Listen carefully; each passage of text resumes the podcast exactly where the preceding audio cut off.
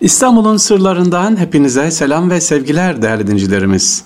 İstanbul'un sırlarında bugün Teşvikiye Camii ve avlusundaki nişan taşından bahsetmek istiyorum değerli dinciler.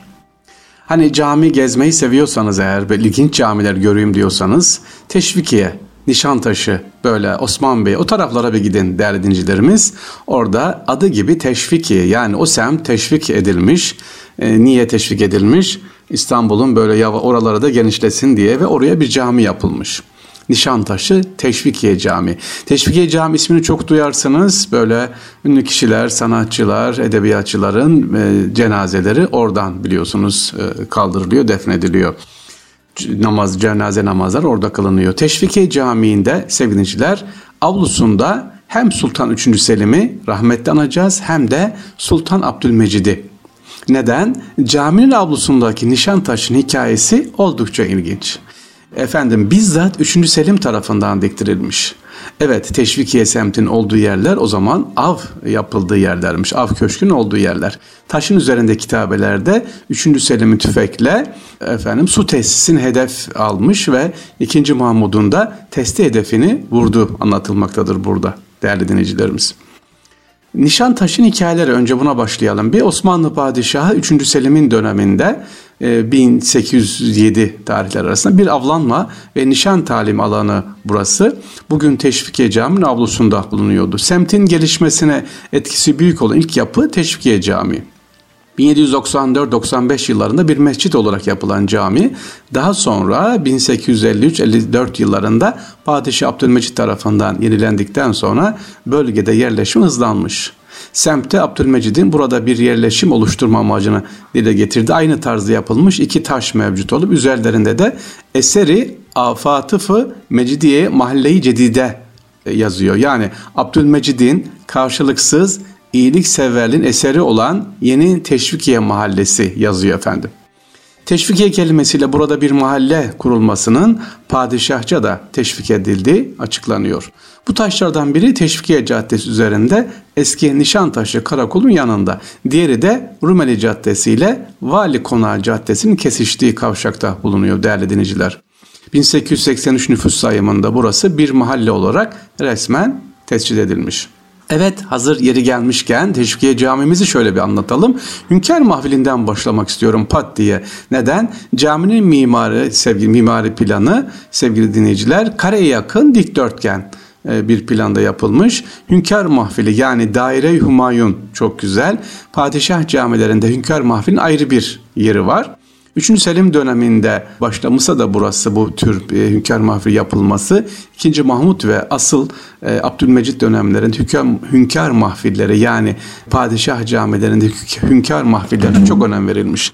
E, bunun en güzel örneğini Valide Camii'nde görebiliriz. E, Dolmabahçe Camii'nde, Hırkay Şerif Camii'nde görebiliriz. Teşvikiye Camii'de de yine Hünkar Mahfil yani Daire-i Hümayun'un harim mekanının yaklaşık iki katını aşan büyükçe bir yer var sevgiliciler.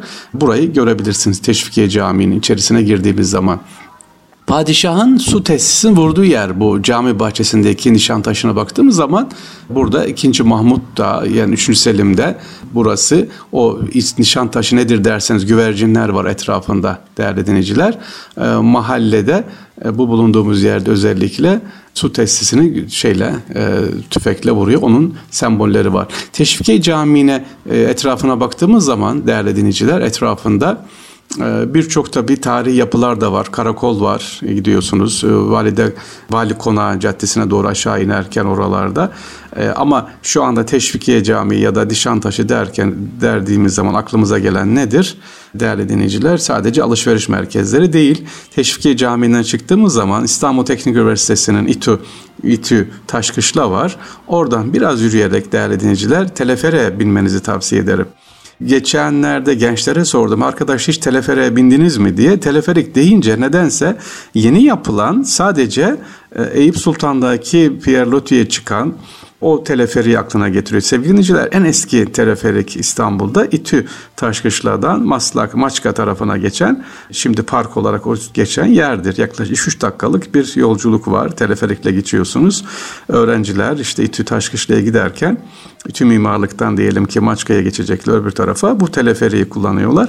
E, Teşvikiye Camii'nden böyle yürüyün aşağıya doğru. İtalyan eski lisesi var oradan aşağıdan e, ve parkı görürsünüz e, değerli dinleyiciler. Farklı bir yön yani teşvikiye bölgesine, o vali konağı caddesine şöyle bir yarım gün sabah erken ayırırsanız güzel olur. E, hafta içi de açık, hafta sonları da açık teleferik sevgili dinleyiciler. Kısa bir ziyaret inşallah teleferikten yapabilirsiniz, orayı görebilirsiniz.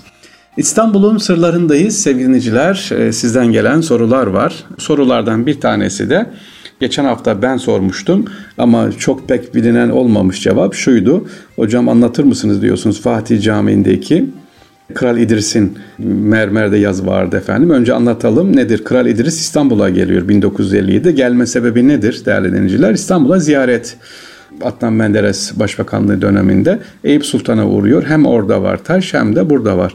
Aslında bir teşekkür ziyareti sevgili dinleyiciler. Nedir? Sonra kaynaklara baktığımız zaman Kral İdris'in İstanbul'a gelme sebebi teşekkür dedik. İşte Türkiye ziyareti. Niye?